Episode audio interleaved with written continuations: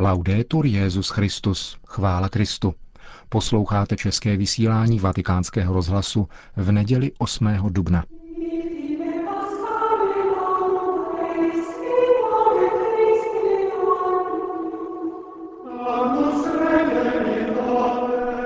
Boží hod velikonoční léta páně 2012.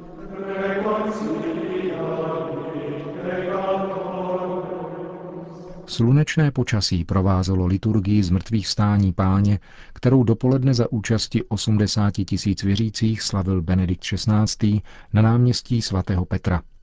Hned po bohoslužbě se svatý otec odebral do loďie v průčelí vatikánské baziliky, odkud pronesl své velikonoční poselství a udělil papežské požehnání Urbi et Orbi. Cari fratelli e sorelle di Roma, Drazí bratři a sestry,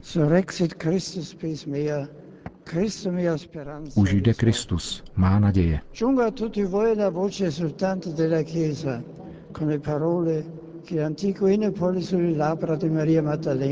Kéž vás všechny dostihne jásavý hlas církve slovy, která starobilý hymnus klade do úst Marie Magdalské, která jako první potkala onoho velikonočního rána z mrtvých vstalého Ježíše.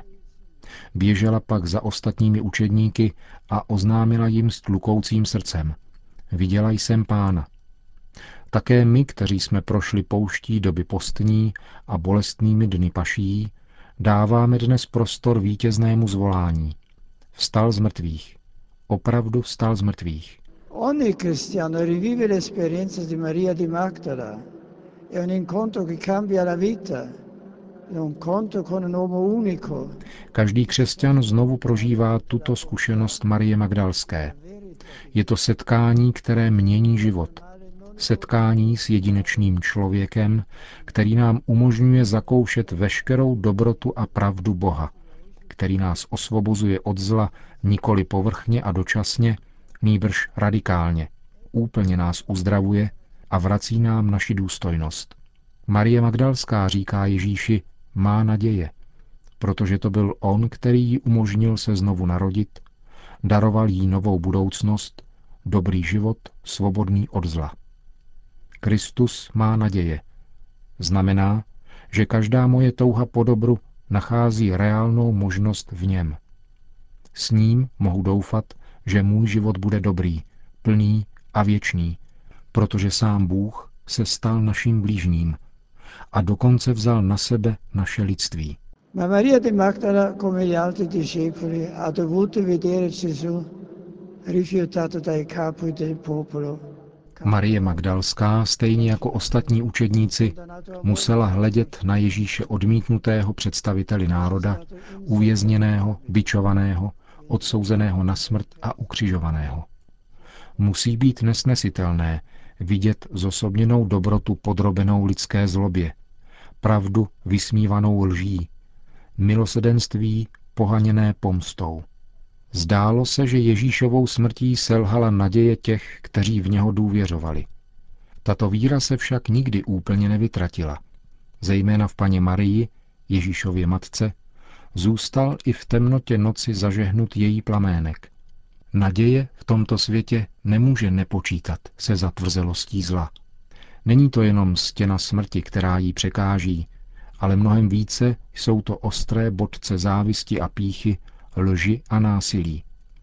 Ježíš prošel touto smrtelnou spletí, aby nám otevřel přístup do království života.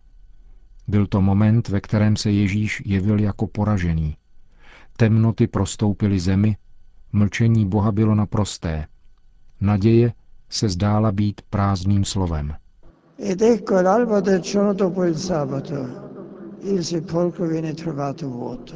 A hle, po sobotě na úsvitu příštího dne byl hrob nalezen prázdný. Ježíš se pak ukazuje Marii Magdalské, dalším ženám a učedníkům.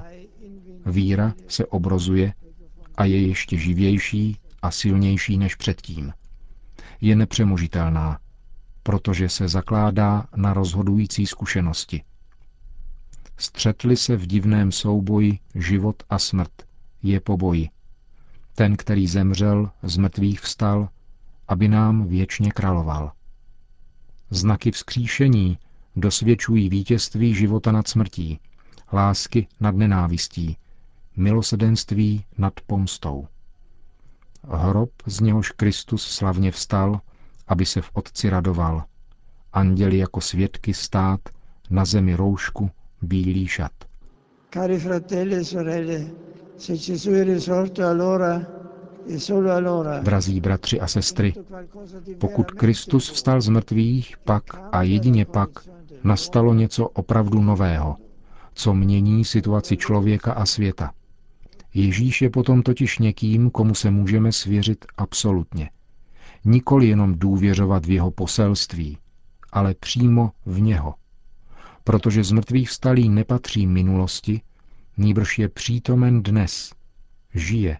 Cristo e conforto in modo particolare per le comunità cristiane che maggiormente sono provate a causa della fede Kristus je naděje a útěcha zvláštním způsobem pro ty křesťanské komunity, které jsou nejvíce zkoušené diskriminacemi a pronásledováním kvůli své víře a je přítomen jako síla naděje prostřednictvím své církve. Je na blízku každé situaci utrpení a nespravedlnosti. Ať dá z mrtvých vstalý Kristus naději Blízkému východu, aby všechny etnické, kulturní a náboženské složky onoho regionu spolupracovali na společném dobru a respektovali lidská práva.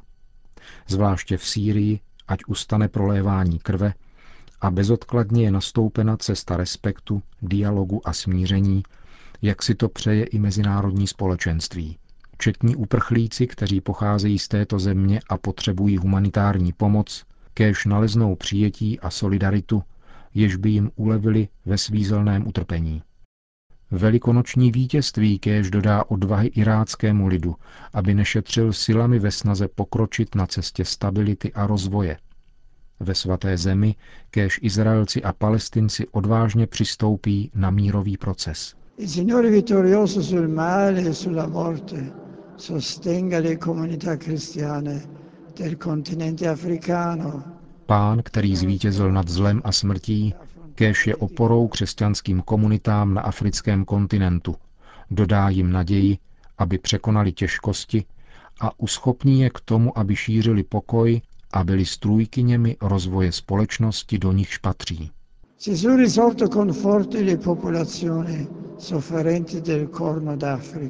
Z mrtvých vstalý Ježíš, ať potěší trpící obyvatelstvo afrického rohu a přivede je ke smíření.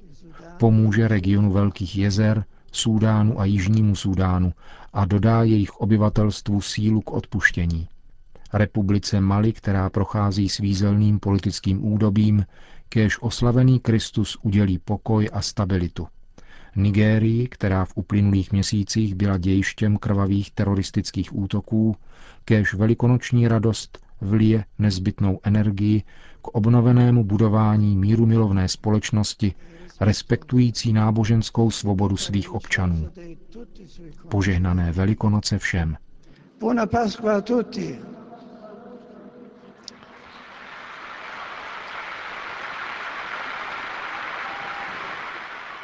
Tolik poselství Benedikta XVI. Ten se pak obrátil k přítomným v 65 jazycích, mezi nimiž nechyběla ani čeština. Poslední pozdrav byl pronesen v jazyce římské církve, tedy latinsky, a obsahuje vždy úvodní slova papežského poselství. Potom kardinál Jean-Louis Torán, který letos splnil funkci protodiakona, přečetl oficiální formuly ohlašující požehnání Urbi et Orbi, Svatý otec Benedikt XVI. udělí všem přítomným věřícím i těm, kteří jsou s ním spojeni prostřednictvím rádia, televize a dalšími moderními technologiemi své požehnání a plnomocné odpustky podle formy stanovené církví. Prosme Všemohoucího, aby nám dlouho zachoval papeže ve vedení církve a udělil pokoj a jednotu církvy na celém světě.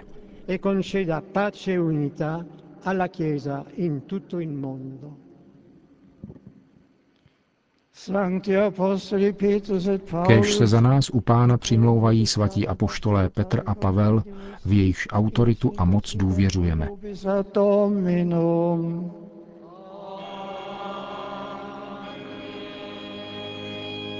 Precibus et meritis Beate Maria, semper Virginis, pro modlitby a zásluhy blahoslavené Marie vždy Pany, blaženého archanděla Michaela, blaženého Jana Křtitele, svatých apoštolů Petra a Pavla a všech svatých, kéž je vám všemohoucí Bůh milosrdný, odpustí vaše hříchy a Ježíš Kristus kéž vás dovede do věčného života. ad vitam aeternam.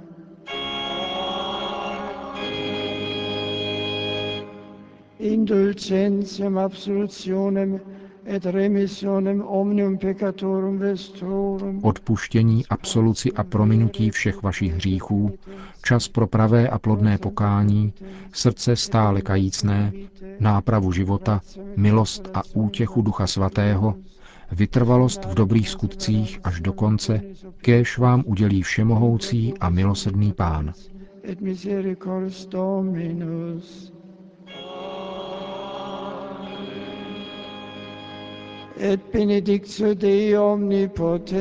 Požehnání všemohoucího Boha Otce i Syna i Ducha Svatého, kéž na vás se stoupí a zůstane s vámi navždy. descendat super vos et maneat semper.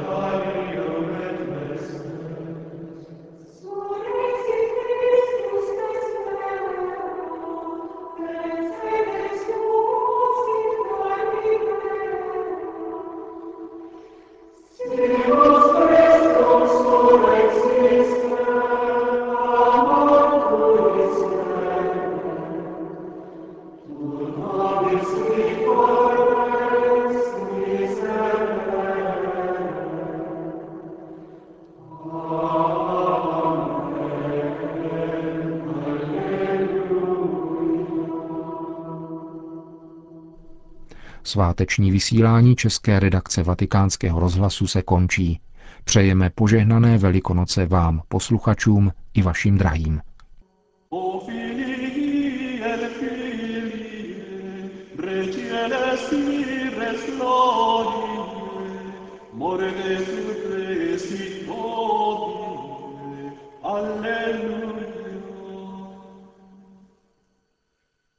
Alleluia,